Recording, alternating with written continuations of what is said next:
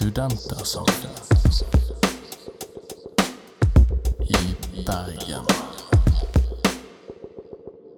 Vi har på besøk eh, Ole Fridtjof Norheim, som er professor i medisinsk etikk eh, og leder for eh, det nyoppstartede her om dagen, Senter for etikk og prioritering. Gi ham en applaus.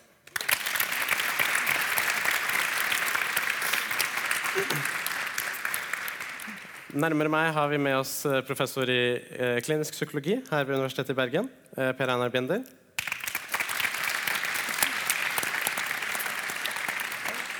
Og dessuten samfunnsøkonom, forfatter og journalist i Morgenbladet, Maria Berg Reinertsen.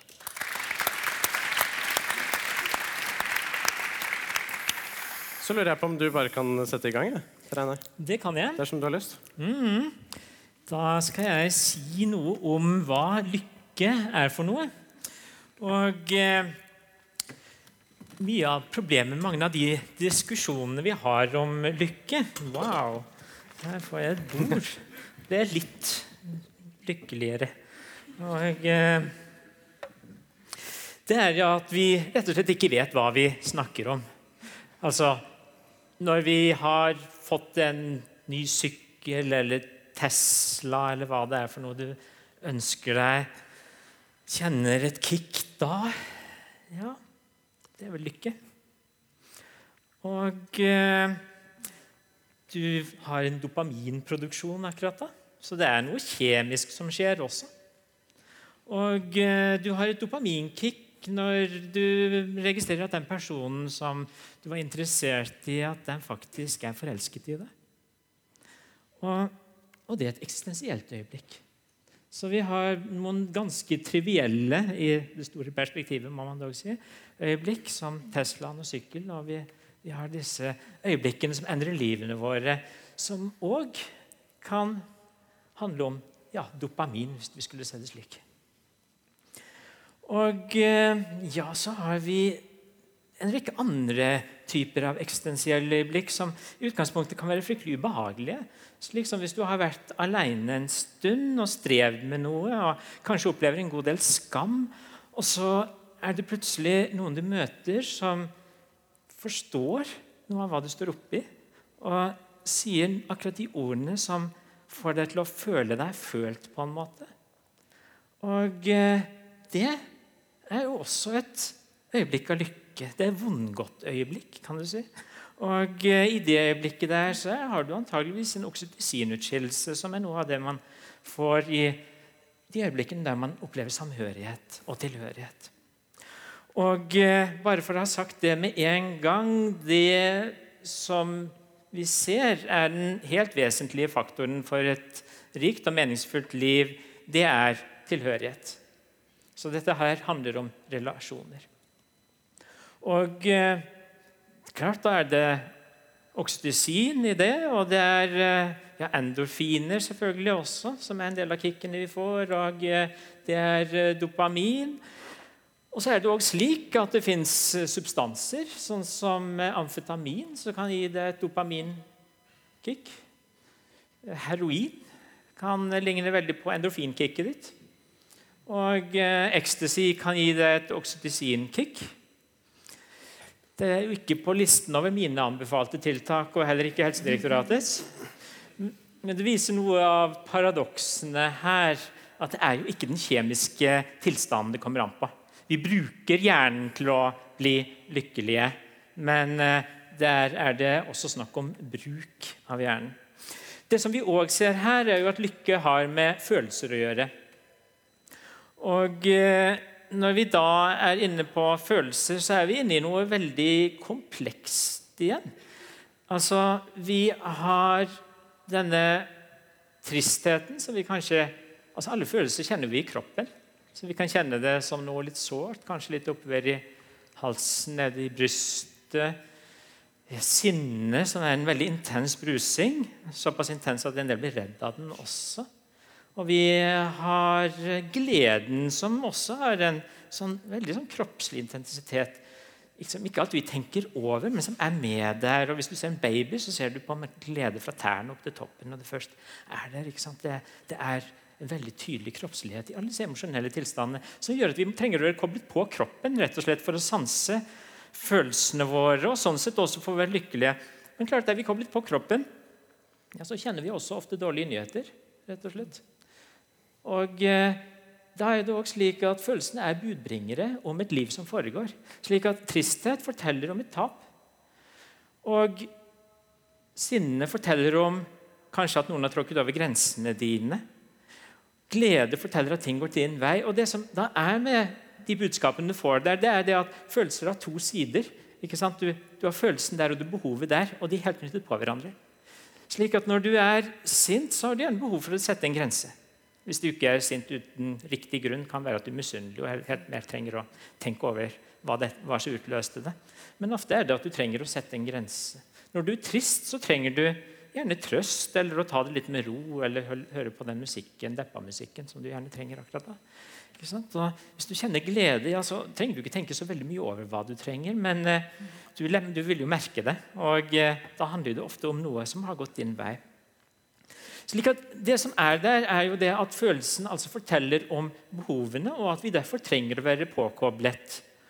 Og eh, det er også grunnen til at vi ikke kan forstå så mye av hva lykke er, uten at vi også forholder oss til at det er lidelse i livet. Og at lidelse dessverre er obligatorisk. Det er ikke valgfritt. Slik at eh, det er faktisk noe vi, vi opplever hele gjengen. Slik at det er lidelse i menneskelivet. Det er død og tap. Er, og tapssituasjoner kan til og med være i gode øyeblikk. Sånn som jeg husker når jeg avsluttet studiet. Da var det det øyeblikket der vi Ja, det var veldig, altså jeg anbefaler å avslutte et studium. for å si Det sånn. Det, det er en veldig god følelse. Så, men så er det akkurat det der at vi har vært holdt i lag, og så vi disse, har vi disse løftene om at ja, vi skal nå holde kontakten. Og så er det den lille stemmen inni meg som sier ja, jeg håper det. Vi, vi, vet jo ikke helt hvordan det blir. Så de bittersøte, veldig mange av de øyeblikkene der også. Så det som eh, er der, er at eh, skal du være påkoblet livet, ja, så er det en ganske stor pakke. Og eh, da er de glade følelsene bare en del av den pakken der. Og hvis vi prøver å utradere de andre, så mister vi rett og slett kompasset vårt. Da, da registrerer vi ikke tapene som vi trenger å ta hensyn til. Da setter vi ikke de grensene vi trenger. Så vi trenger de ubehagelige følelsene også. Og uh, ut av disse sånn vondgode realitetene så er det frihet. Altså, det er jo vidunderlig også, med, med, frihet. Å virkelig kunne velge. Ja. Og uh, ja, så velger vi riktig. Velger rett nå, da? Det som kommer opp der. Som er uh, noe av frihetsparadokset som Barry Schwartz snakker om. At vi, vi kan òg bli ganske stresset av frihet. Vi, og særlig hvis vi er litt perfeksjonistiske av oss så kan vi bli ganske stresset. For har vi valgt riktig? Og vi kan tenke på det veldig, veldig mye etterpå. Så er det de som da òg velger og er glad for det de har valgt. De øyeblikkene der som er takknemlighet. Som er et eksempel på meningslykke. Takknemlighet er også en lykkefaktor. Og det er jo sånn, I finansperspektiv en skummel lykkefaktor. For hvis folk er takknemlige for det de har, ja, så vet jo vi hva som skjer. Da stopper hele forbruket bare litt til på det med smerten og, og, og, eh, opp mot mening, før jeg går videre bare på noen lykkefaktorer helt mot, mot slutten her. Ehm, jeg har jobbet mye med identitet og livsfortellinger. og En uh, viktig side med identitet er jo fortellingen vi lager om livet vårt. Hvordan vi ser for oss fortiden vår, hvordan vi fortolker den, og det som skal skje forover. Og eh, Noen fortellinger som er assosiert med god livskvalitet, det er jo det som ofte kalles forløsningsfortellinger. Der det har skjedd noe veldig smertefullt. Der det har vært et virkelig vondt vendepunkt i livet, og der folk har funnet videre. Og det er klart at Av og til blir dette litt sånn sukrede historier. At det har all motgang osv. Det, det peker videre der. Men det viser seg at når det virkelig gir rike, meningsfulle liv, så er det folk som har erkjent smerten. At det vonde virkelig har fått lov å være vondt. Og at en da har sett noe av hva som faktisk er viktig for en, og gjør gode livsvalg videre ut fra det. Så Vi har en god del forskning som kan fortelle oss hva som kan gi et rikt liv, og hva som kan gi lykke, kan du si. Men nå ser vi jo allerede at lykke er litt forskjellige ting. Uh, Jonathan Haidt snakker om en lykkeformel. Eh, og Der ser han at vi har et biologisk settpunkt. alle sammen. Det er livsbetingelser, og det er valgte aktiviteter. Og Det biologiske settpunkt er at vi er litt ulike med tanke på nevrotisisme. Altså Noen av oss er litt mer skvettende og bekymrede enn andre. Og eh, Det har tjent artens overlevelse, så oss smånervøse vi, har sikret de der som Oi, slange, det var interessant. ikke sant? De, de, er stort sett ikke her mer. Så noe nevrotisisme, absolutt, det er bra, men, men det gjør deg ikke lykkelig. Eh, og eh, livsbetingelser Ja, der handler det om relasjoner. Men det handler også om kroppslige forhold. Det, det, det er faktisk sant at det å trene er bra for lykkeopplevelsen din. Eh, det er eh, en no-brainer som søvn, rett og slett. Den, eh, den, gjør deg lykkeligere hvis du sover ordentlig. Så, og kontakt med natur gjør deg gladere. Og vi er en ultrasosial art. Altså, vi er ikke bare litt sosiale, vi er ekstremt sosiale. Bare det at dere sitter på denne måten her Vi tenker ikke på det, men det er ekstremt sosialt. Hvis dere hadde vært i egen sjampanser, så hadde det vært all over the place for lengst. Og eh, Dere kan til og med ha glede av å sitte sånn. Og mennesker kan ha glede av å ta bølgen, f.eks. Du trenger ikke å være smart, spesielt smart for å få det til, men du trenger å være menneske for i hele tatt å være motivert. Slik at det er noe med at vi, vi kobler oss på fellesskap. Og eh, det omvendte, ensomhet, er, er, rett og slett livsfarlig. Det er bent fram livsfarlig. Det å være eh, sosialt isolert over tid er like farlig som røyking med tanke på forkortet livslengde. Og eh, når vi kommer til ultrasosialiteten, vi blir gladere av å være vennlige og sjenerøse enn å være gjerrige. Så Det som Gordon Gekko beskriver i Wall Street-filmen, Good is good, det er eh, ikke evidensbasert. Det er rett og slett ikke sant. Du blir ikke lykkelig av å være grådig. Venner, parforhold, gode kolleger, godt naboskap. rett Og slett. Og Det handler ikke bare om dyp kontakt. Det lille smilet som du veksler med noen, det heiet, det at det er et visst register av sånne personer rundt deg i hverdagen, påvirker hvordan lykkenivået ditt blir. Og verdiforankring er en faktor. Jeg har jo allerede antydet den, men Materielle verdier gjør deg oftere misfornøyd, for du er i et sammenligningsmodus. Altså det, Den tendensen vi har til sammenligning, er noe av det som også kan gjøres ulykkelig.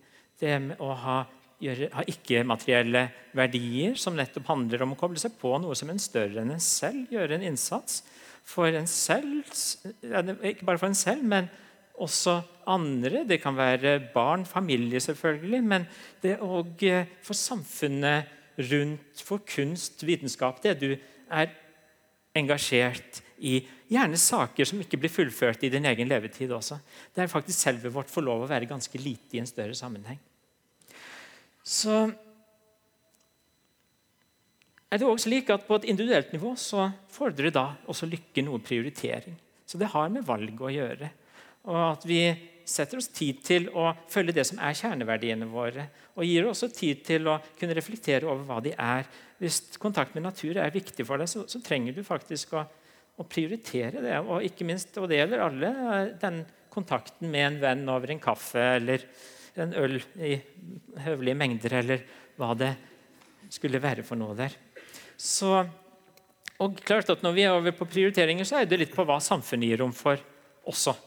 Men det tror jeg vi får rikelig anledning til å drøfte i plenum her. Takk.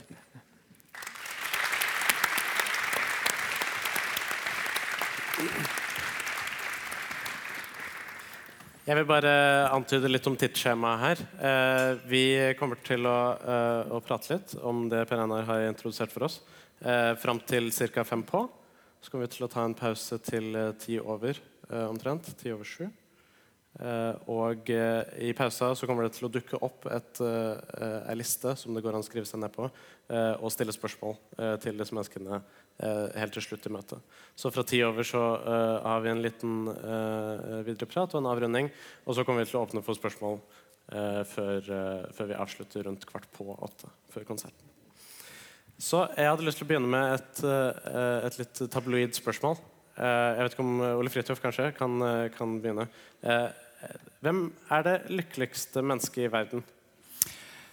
Jeg har lyst til å begynne med en historie. Jeg har møtt et veldig lykkelig menneske i sommer. Jeg er jo fra Nord-Norge, og jeg var på besøk hos en maler som bor langt fra allfarvei, som har bygd seg sin egen hytte han bor der med kona si og har bygd seg et atelier. og Han har gått mot strømmen og lik naturen ville være i naturen. Han fant et sted som het Eirik Larsakjønna, med nydelige furutrær langt fra folk. Eh, der har han levd, og nå er han 93 år. Og Jeg besøkte han der, og kona var dratt til Sør-Frankrike på ferie. Men han hadde ikke tid til å dra på ferie, for han skulle male. Og jeg har aldri møtt en så lykkelig mann som hadde en drøm om hva han ville gjøre. Og det gjorde han, og det gjør han veldig godt. Og jeg var nesten like lykkelig når jeg dro, dro derifra. Hva med deg, Marie? Hvem er det lykkeligste mennesket? Nei, når jeg hørte innledningen nå, så tenkte jeg automatisk at det må jo være en eller annen dame i omlandet til KrF som engasjerer seg for eh, Eh, som steker vafler og tar vare på asylsøkere og, og er, er, del av noe, noe, større. Samtidig som hun har fulgt opp av, av små og store relasjoner rundt seg. Eh, jeg vil jo gjerne at det skal være sånn, men eh, som økonom så vet jeg også at det er sånn at eh, lykken er en funksjon av hvor mye penger du tjener, og hvor mye mer penger du tjener enn naboen. Så det er ikke helt sikkert at det er den KrF-dama som er den lykkeligste i Norge. Hva med deg, Per Einar? Altså, jeg har noen konkurrerende objekter i hodet der. Mhm. Altså, jeg har jo eh, en kamerat som er ekstremt forelsket for tiden. Eh, så jeg skal ikke nevne navn, altså, men uh, på grensen til tilsnakkende. Men uh, det, det, vet jo vi ikke hvor lenge det kommer til å, å, være helt på den måten. Men jeg hadde en ganske lykkelig farfar uh, den tiden han levde. Og han tror jeg også hadde denne altså, Han var jo en veldig unevrotisk person. og veldig interessert og koblet seg veldig fort på ting. Engasjert mann. Så det er, Og selvfølgelig heldige livsbetingelser med gode relasjoner. Så ja, det er noen sånne som peker seg ut. Det er en viktig forskjell mellom, eh, mellom dette mennesket langt ute på kysten som maler, eh, som gjør mye for seg sjøl, men kanskje eh, en veldig annen form for lykke når man gjør noe for et samfunn, et fellesskap eh, osv. Det er kanskje en, en, veldig annen følelse, vil jeg tro, selv om det liksom manifesterer seg som lykke hos, hos dem.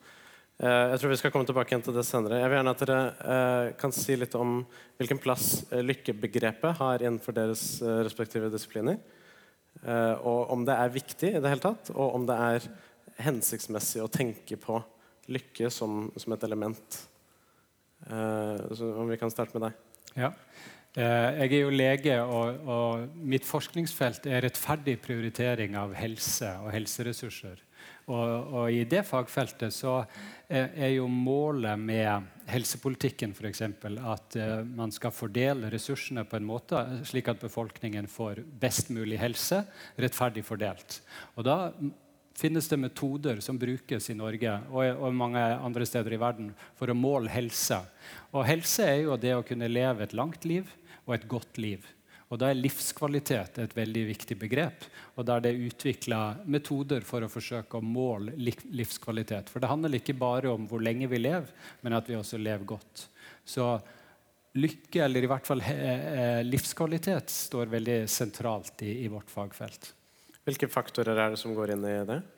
Vi er jo kanskje mest opptatt av uh, det som handler om helse og helserelatert livskvalitet. Men der er det selvfølgelig viktig å ikke ha smerter.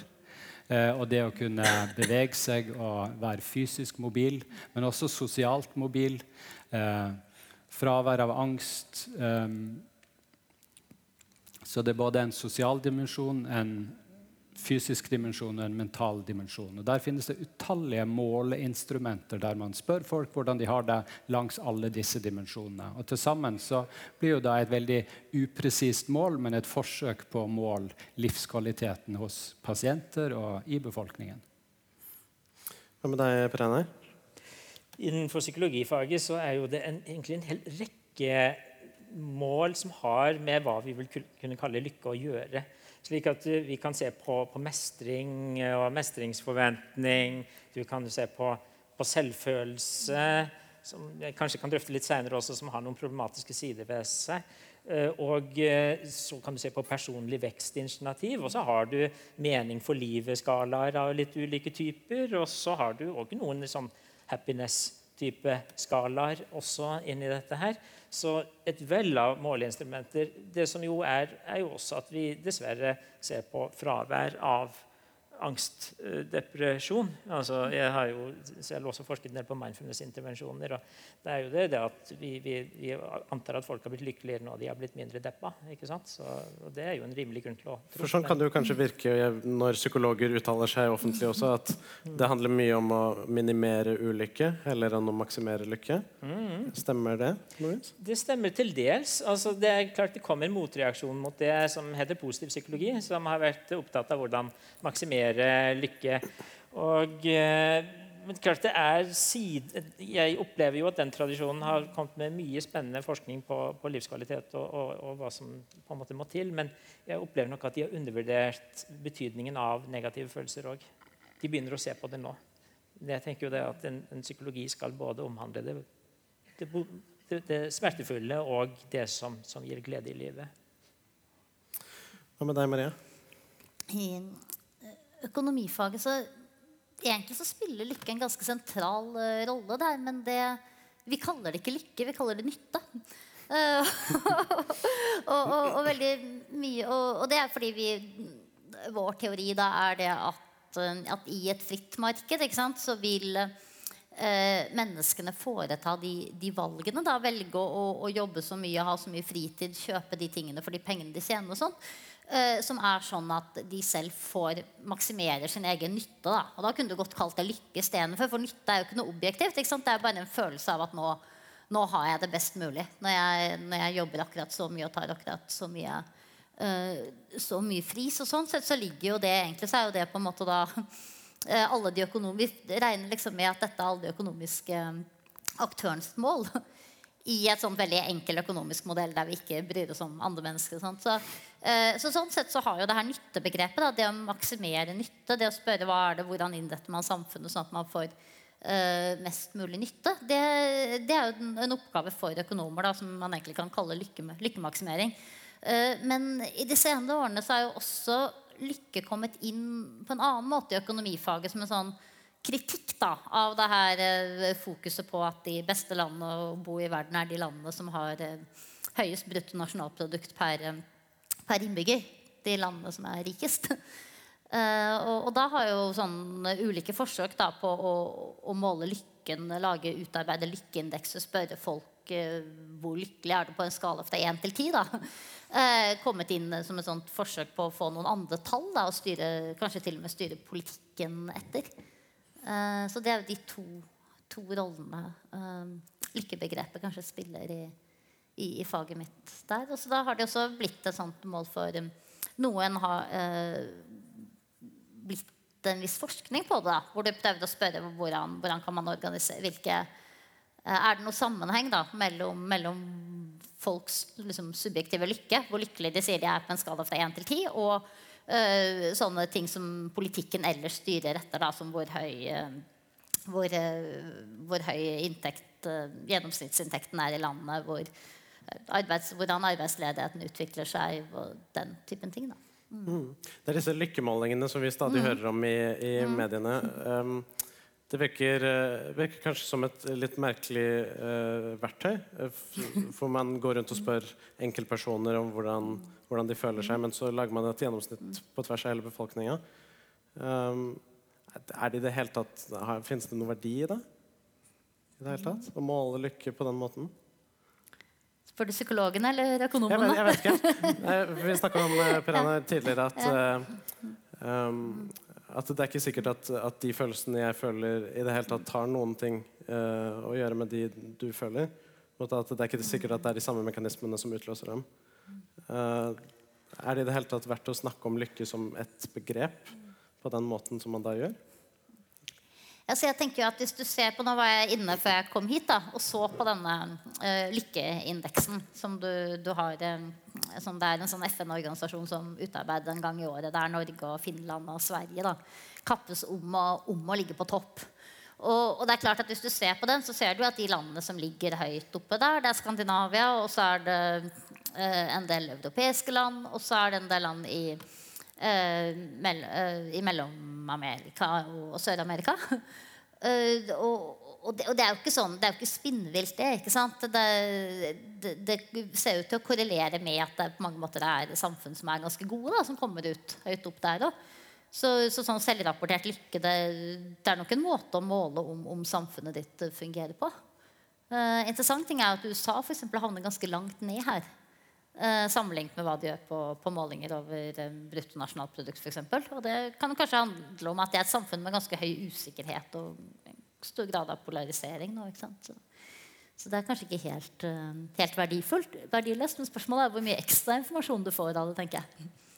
Det er jo en uh, psykolog og økonom som fikk nobelprisen i økonomi, Daniel Kahneman, som har drevet mye med lykkeforskning. Og, og en, en, av de, de, tingene han gjorde, var jo å måle, eller be et stort utvalg i befolkningen om å registrere hvor lykkelige de var fra time til time til time.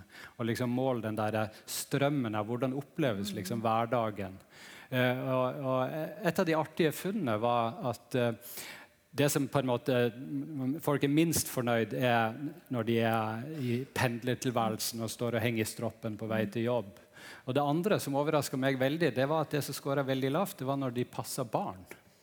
Og så tenkte jeg på meg tenkte at jeg, jeg, likte å være sammen med barna mine. Og, og, i ettertid så husker jeg det som fantastisk fint. Men når jeg tenker skikkelig gjennom det, så var det jo av og til ganske kjedelig å sitte ved siden av sandkassen, og de var opptatt av sine ting, og jeg satt der, og på den tida hadde ikke jeg iPhone. Og, så det, vi, vi blir av og til litt lurt, og kanskje på en god måte, at når vi ser tilbake på det vi syns er viktig, så husker vi det som fint også. Men det er ikke sikkert det er sånn eh, alltid. Og, eh, Kahneman gjorde et veldig artig eksperiment sammen med en lege som het Peter Ybel. Og Leger og forskere gjør jo mye rart. og Det finnes en medisinsk undersøkelse som heter koloskopi. De har undersøkt tykktarmen, og det er skikkelig ubehagelig. Så De tok et randomisert forsøk og så gjorde de den undersøkelsen på to måter. ene måten så uh, gjorde de den undersøkelsen, det kan ta ganske lang tid og er skikkelig ubehagelig. Og så når du drar ut kolonoskopet, så er det ekstra ubehagelig. Og så I den andre gruppen så gjorde de det på akkurat samme måten, men så var de veldig forsiktige når de dro ut koloskopet på slutten. Og de som hadde hatt en like ubehagelig opplevelse, men den som var minst ubehagelig akkurat på slutten, de huska det som en helt grei undersøkelse, mens de andre syntes det var helt forferdelig. Ja, En sak er jo man lurer seg selv, men en annen sak er også at lykke altså Alle følelser kan oppleves ganske ulikt. Altså En ser at uh, også sinne Folk har ulik fysiologisk ulike fysiologiske utslag av sinne. Altså at det foregår på litt ulikt vis hos mennesker. Likeledes med angst. Og så er det òg noe med at mangfoldet i måter å være glad på Vi har aktiverte former for glede som er mer party. ikke sant? Og så har vi rolige former for glede. Og eh, Der er det òg kulturelle forskjeller. slik at eh, I Asia så blir, ofte, blir, barn ofte opplært til mer rolige måter å være glad på. Mens eh, i eh, Vesten så er det ofte litt sånn å, å få opp eh, aktiveringen sammen med glede. Og eh, Der er det faktisk litt forskjeller mellom europeere og amerikanere. Altså Amerikanere liker det litt topper det litt mer ekstatisk. Noe som gjør at eh, når jeg har hatt opphold i, i, USA, så er det liksom første dagene så merker jeg at jeg smiler litt mer. ikke sant? Altså, og jeg må være litt mer på for å ikke virke off, rett og slett. Og, uh, og så blir jeg faktisk mer introvert. Altså Jeg er mer introvert når jeg er i USA. Da trenger jeg litt fred til å sitte mer for meg selv og sånt enn, jeg gjør i Europa, der folk lar meg være i fred.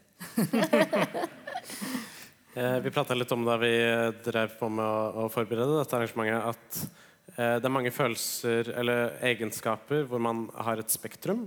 Eh, fra jeg kan være mer eller mindre ryddig, kan være mer eller mindre introvert, f.eks. At man, man, opplever at det finnes et spektrum da, mellom, mellom, minst og mest av en eller annen egenskap. og at det er helt greit å ligge på et hvilket som helst punkt på det spekteret. Hvorfor er det ikke på den samme måten med lykken? Noen som vil svare? Har noen tanker om det? Jeg tror det kan ja. Jeg- kan kanskje tenke meg at det kan handle om et nederlag. Ikke sant? Er, hvis du ikke har en sånn umiddelbar, veldig god grunn 'Jeg ble dumpa i går', eller 'hunden min døde', eller noe sånt, så, så er det å, det å si at jeg er ulykkelig ikke sant? Det er å si at jeg, ikke, jeg trives ikke i livet mitt. Jeg har, jeg har gjort feil. Jeg har kanskje valgt feil kjæreste. Jeg har ønsket meg barn, jeg klarer ikke å være glad i dem. Jeg har satset på feil studie. ikke sant? Jeg, jeg håndterer ikke å komme til en ny by, og her var det jo ingen jeg kjente. ikke sant? Så, eh, så, så jeg tror i hvert fall det, det er vel sånn i sånne lykkemålinger at man ofte rapporterer i hvert fall sju. da, ikke sant? Eh, Det kan være litt sånn skrytete å si ti. Uh, I hvert fall i Norge. Men, uh, men, men jeg tror det i hvert fall er et element her. Et annet er kanskje at det er litt sånn, kan virke litt utakknemlig, for du vet jo at du bor i verdens beste land. ikke sant? Og så tenk på barn i Afrika. Mm. Ja, der tror jeg også det virker inn at, at lyk, altså det å være glad har blitt litt sånn statussymbol òg. Slik at det er noe av det du skal vise fram. Og der er det noen ganske store paradokser. også, fordi vi, klart, vi blir også fortalt at stress er så farlig. Altså, sånn stressforskere har jo studert rotter som får støt og blir stukket i. og alt mulig sånt, og Så ser man jo at de, det, det går ikke så bra med dem. liksom. Og Det er klart at det det forteller oss, er at tortur er farlig. Det som er det, det, så, så, og, det, og det gjør òg at det, liksom, hverdagsstresset og de negative følelsene vi har i hverdagen, de får litt vel dårlig rykte. Og eh, der Roy Bamaster, en sosialpsykolog, som gjør en veldig sånn spennende studie på dette her med opplevelse av mening i livet og grad av stress i livet. Og Da fant han faktisk noen som opplevde å ha et uh, veldig uh, altså, gledesfylt, men meningsløst uh, liv. Jeg skulle jo likt å hørt litt hvem de var, da, men, men, men, men det som en ytterlighet. Men den andre ytterligheten er mer interessant. Veldig meningsfullt og veldig ubehagelig liv. Altså, Mennesker i veldig utfordrende livssituasjoner som kunne oppleve å ha rike, meningsfulle liv. Slik at uh, Det beste er selvfølgelig å ha begge deler. Men vi ser at uh, det å ikke være glad, det betyr ikke at livet ditt er en fiasko. altså. Jeg tenkte litt på det dere sa om, um, om, om lykke. Og, og, går det på en måte an vi, Snakker vi sant når vi svarer på den type spørsmål? Sånn, og, og, lykke er jo veldig sånn, et upålitelig mål på hvor godt det går i livet egentlig. Det er jo en annen nobelprisvinner i eh, filosofi og økonomi som heter Amartya Sen, en indisk eh, forsker som har vært veldig kritisk til økonomenes nytte- eller lykkebegrep. Han, uh, han studerte hvordan folk opplevde hungersnød i India på 30-tallet. Og, og, mennene de hadde det helt begredelig. Mens kvinner de tilpassa seg situasjonen og, og, og, ga uttrykk for at de hadde det ganske bra. Og det er jo det der, de, de, lykkelige slavene. At vi kan tilpasse oss enhver situasjon på mange måter. Og det er jo veldig bra på en måte. Men hvis man skal på en måte forme samfunnspolitikken ut ifra bare lykke eller nytte, så kan det være veldig problematisk. Eh, fordi at da kan man leve under veldig dårlige forhold og, og forme preferanser og ønsker og mål i livet som er veldig beskjedne, og at man tar til takke til veldig lite. Så Derfor er det jo mange som har vært kritiske til at lykke skal, skal heves opp og være så viktig. da. Det er vel også en, en, en, ting her, For det var jo en, for noen år siden det kom et sånt forslag om ja, det var vel Dagfinn Høybråten, mm, KrF da, og mm, Lykken, mm.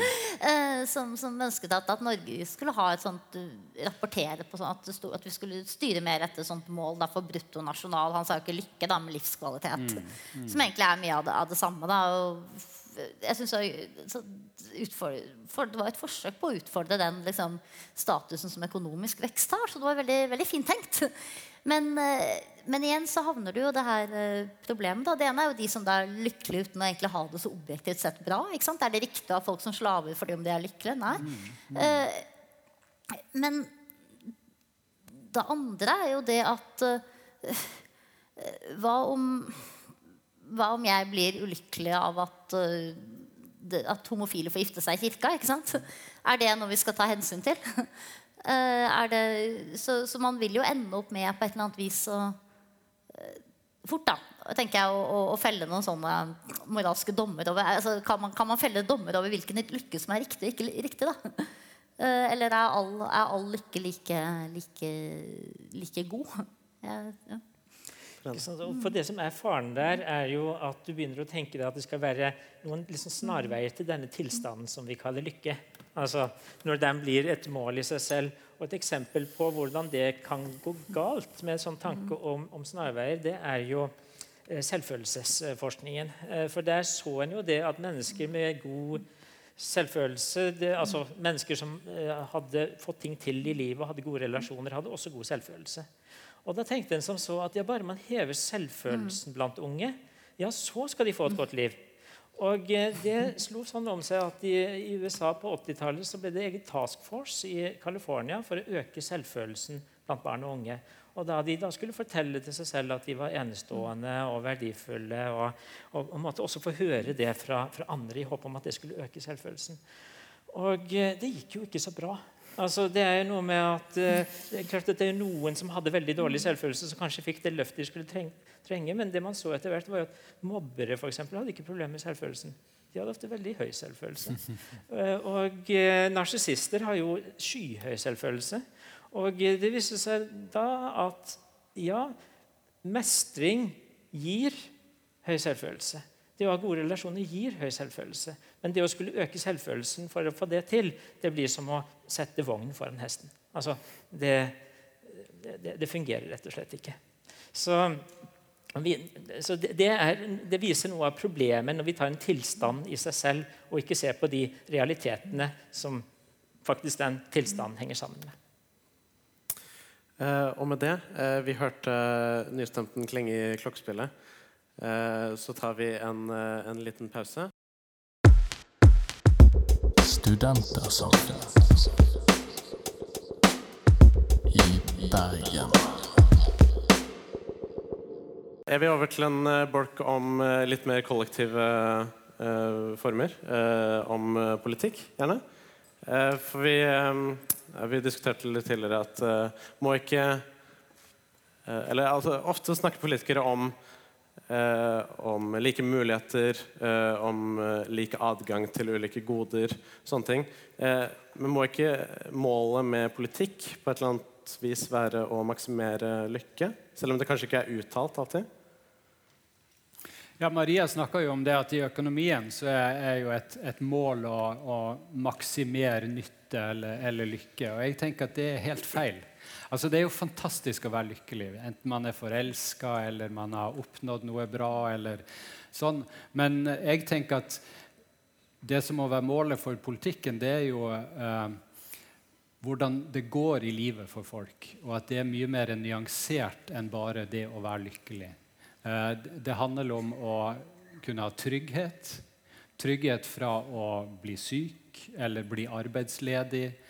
Eh, det handler om rettferdig fordeling. Eh, det er ikke bare snakk om mest mulig lykke, men jeg tenker at muligheter er et veldig godt begrep for eh, det vi ønsker eh, i livet. At vi skal kunne legge til, eller at politikken skal legge til rette for at folk skal ha like muligheter for å skape seg et godt liv. Og Det har jo vært et ideal i velferdsstaten for eksempel, at vi må legge til rette for at folk har muligheten for å ha et godt liv, og så er det opp til dere om dere greier å gi dette livet et godt innhold. Men så er jo kanskje det også en begrensning i velferdsstaten. At det blir så kjedelig. Eh, at når vi har fylt alle våre materielle behov, så ja, hva kommer da? Så det, det, er ikke noe lett svar på det spørsmålet. Men jeg er litt kritisk til at vi bare skal tenke ensidig på å maksimere lykke. Men La oss heller se på, på grunnlaget for det. Da. Altså, finnes det eh, land hvor det ikke er mulig å være lykkelig? At man kanskje ikke har nok, eh, nok goder? Ja, jeg, jeg, jobber jo veldig mye i Afrika, i Etiopia. Og når man reiser rundt, så ser man smilende folk. Folk som lever intenst, og som ser ut til å ha det veldig bra. Men det er klart at det har en, en lykke og, og, velferd har en subjektiv dimensjon, men det har jo også en objektiv di dimensjon. Uh, og jeg tenker at hvis man når man kommer nærmere inn på livet til de som lever der, uh, så ser man at det er ikke like lett alltid. Og Eh, leveutsiktene er ikke så høye for alle, og jeg tror i hvert fall for noen så er det nesten umulig å, å, være lykkelig sånn som vi tenker. Og i hvert fall det å kunne ha muligheten til å leve et, et godt, langt og meningsfullt liv. Det er det ikke alle som har. Men Der kommer vi også inn på forskjellen mellom uh, berg-og-dal-bane av, Ja. av lykke og, og varig stabil eh, tilfredshet, kanskje nærmere. Er det egentlig samme følelsen i det hele tatt? Vet vi noe om det? Du, nei, det er, for, det er litt forskjellige ting, Ja. eh, rett og slett. Eh, Og eh, det er, det er jo det som også gjør det så veldig vanskelig å skulle ha lykke som et type av mål. Det slår veldig fort tilbake. Altså Når lykke blir et mål, ja, så blir det veldig mye annet i livet som ikke helt får plass.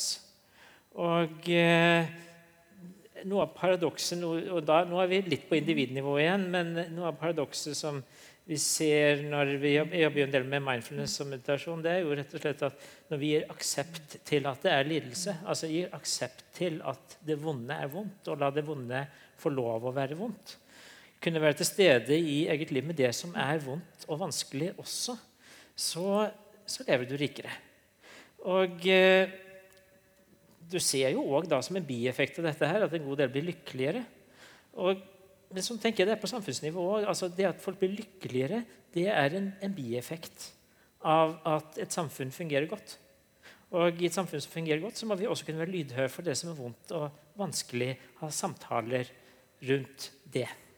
Og igjen på individnivå, det er litt av paradokset der er jo det at når du kjemper veldig for å holde deg glad og holde det vonde vekk, så, så blir du veldig sliten.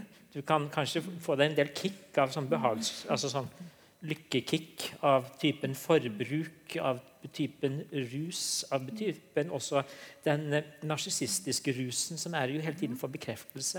Narsissisme kan jo ses som en sånn eh, selvfølelsesavhengighet. at du er avhengig av å hele tiden få påfyll på selvfølelsen din. Du kan holde det gående lenge på den måten der. Særlig hvis du lykkes. Altså Hvis du virkelig blir beundret, får mye penger, alle de tingene der, eh, som, som gir deg status. Men det er klart at du, du, du blir jo ikke robust i det øyeblikket livet slår, slår til. Og du blir syk, noen nære faller fra deg når, når de, de, de smertefulle tingene innhenter deg. Så jeg tenker det, nei, ikke, ikke bruke lykke som noe mål å higge mot. Det, det fins viktigere ting. Eh, samtidig så, så er jo lykke et, et mål i politikken. ikke sant? Hvis man tenker på amerikansk uavhengighetserklæringen. ikke sant? Frihet til å søke lykken. Eh, det er jo ikke altså, det, er jo frihet da, som, som politikken skal gi, men det er jo helt åpenbart hva man ønsker at, at eh, borgerne skal bruke denne friheten til. Og, og, og, og det er jo også noe med at Hvis man tenker på sånn, ja, norsk politikk i dag, så har du jo en, for skolen så har du jo en, en visjon om nulltoleranse for mobbing. ikke sant? Du legger mye vekt på elevundersøkelser, og sånt, hvor man eh, spør liksom hvor, hvor bra elevene har det, hvordan de føler seg, føler seg trygge. ikke sant? Så, så, så det er jo helt åpenbart at man på et eller annet vis ser liksom denne følelsen vår, da, om det ikke er den ekstatiske lykken, så i hvert fall denne her følelsen av grunnleggende tilfredshet da, som et, et mål for veldig mye, mye politikk. Eh, Jeg er sikker på at det finnes noen sånne erklæringer om at studentene ved Universitetet i Bergen også skal være, liksom, føle seg trygge og ikke mobba og lykkelige og sånt. Så, så, så, det, eh, så det er jo på et eller annet vis et, et mål i dag. Det tror jeg er litt fordi det er ikke så mange andre mål vi kan enes om. ikke sant? Eh, hvis du ser tilbake på middel, til middelalderen, så ville det kanskje være et mål for kongen? At, at folket skulle bli frelst. da.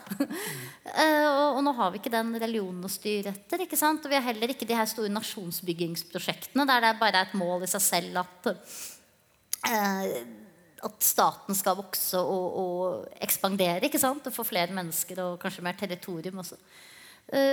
Og da er jo denne liksom det er jo noe demokratisk ved det. ikke sant? Det, det som er litt fint med å ha lykkesmål, er jo det at hver enkelt av oss teller. Uh, selv om jeg er helt enig i at uh, vi kjører inn i en, i en del problemer. Da, hvis det er det, det uttalte målet. F.eks. det at eh, Jeg vil si at jeg er ganske lykkelig. Uh, og det er jo helt bisart når jeg bruker store del av arbeidsdagen min på å skrive om eh, klimaproblemer. ikke sant? Har vi egentlig lov til å være lykkelige? Det, det er spørsmål til psykologen. Det er også interessant når du snakker om kongen. Kongen av Bhutan var jo lei av å bare bli målt på bruttonasjonalprodukt. Så han erklærte jo at målet for Bhutan skulle være at hvert år så skulle man samle inn statistikk på lykke, befolkningens lykke, og at målet på, han ville måles, og politikken skulle måles på lykke i befolkningen. Og det er jo noe fascinerende ved det. det som, du har jo rett i det at det, eh, Vi vil jo ikke at alt skal handle om penger. og Selv om du sa at lykkefunksjonen er mer inntekt og pluss misunnelse, kanskje, så er det jo sånn at det er jo en del folk i hvert fall som når man når et visst nivå, så blir man ikke nødvendigvis lykkeligere av mer penger eller flere ting. Og Der er vel vi i Norge i dag. og det er jo en del, Tenk på Bill Gates, tenk på Trond Moen her i Bergen, som gir vekk veldig mye av formuen sin. Og jeg tror faktisk at de blir mer glad av det. Det sier Trond Moen sjøl i hvert fall. Eh, og det er litt fascinerende at det er mulig å bli glad av å gi vekk det som vi andre tenker at vi ville blitt lykkelige av hvis vi hadde mer av. Men vi vet jo at de blir veldig ulykkelige disse rikingene hvis de er nødt til å gi bort formuen sin som formuesskatt. Så det er nok et sånn frivillighetsaspekt Det må være frivillig, ja. ja, ja. ja det, nei, det, det, er litt det spørsmålet du stilte der i sted. for det er jo det eksempelet du gir der, er, viser jo noe av det paradokset med hvis vi skulle hatt lykke som mål i seg selv. Du kan kjenne deg lykkelig når du handler i tråd med verdiene dine. Og eh, gjør noe for en sak du tenker er viktig. Og jeg for min del kan jo bli lykkelig av noe så eh, ikke sant? Jeg, jeg sitter jo som terapeut og snakker med mennesker som uh, har liv som er ute av kurs.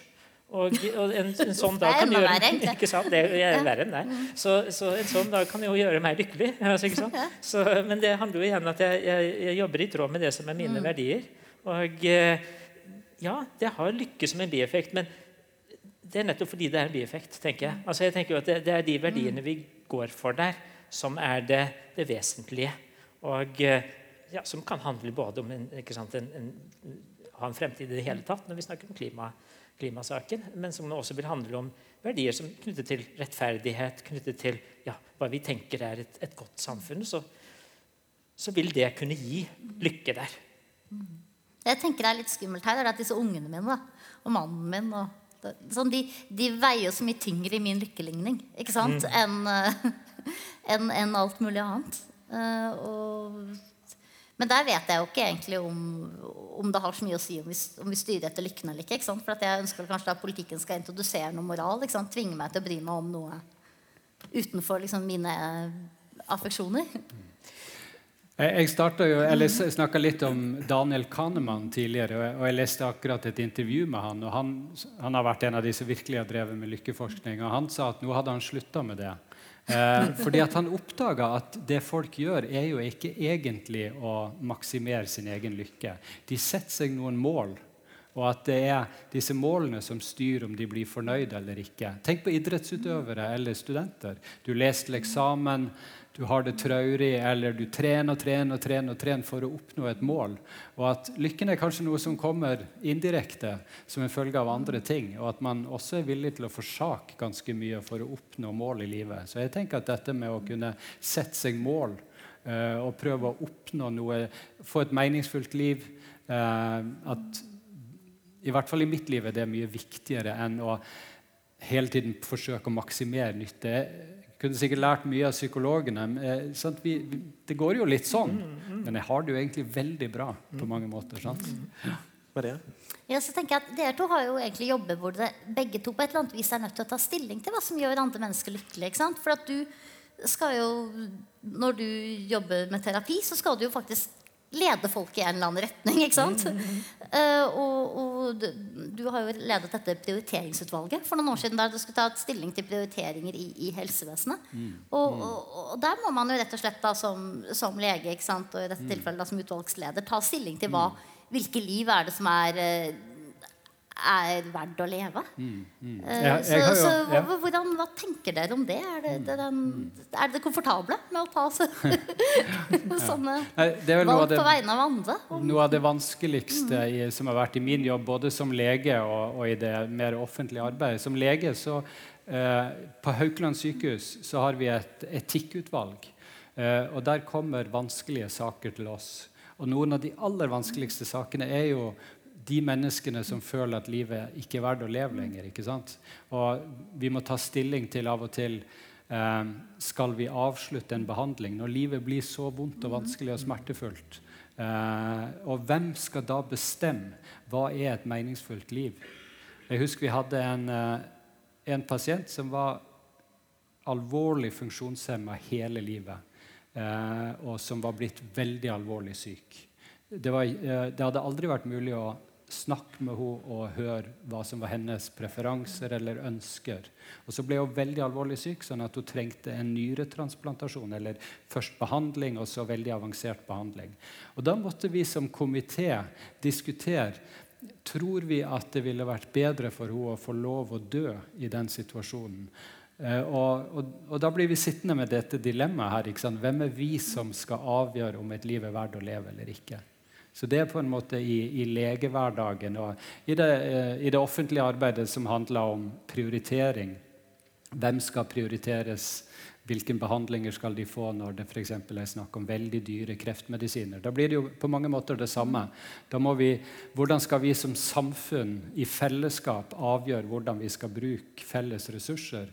Eh, hva, hva, er det som er verdt å satse på? Da kommer livskvalitet veldig ofte inn i bildet. Der vi forsøker å si noe om ja, hva er effekten av behandlinga, og, hva, hvor mye bedre får et menneske det med denne veldig nye, kostbare behandlingen. For eksempel. og Det syns jeg er enormt vanskelig. Og Et ideal er jo egentlig at den som føler det på kroppen, er jo den som vet mest om det. Eh, men så er det jo så vi, det er nesten umulig å sammenligne livskvalitet eller lykke. Jeg vet ikke om du er lykkeligere enn meg, f.eks. Så kanskje er det helt umulig å sammenligne livskvalitet og lykke. Det er jo et, et dilemma. da. Studentersamfunnet i Bergen.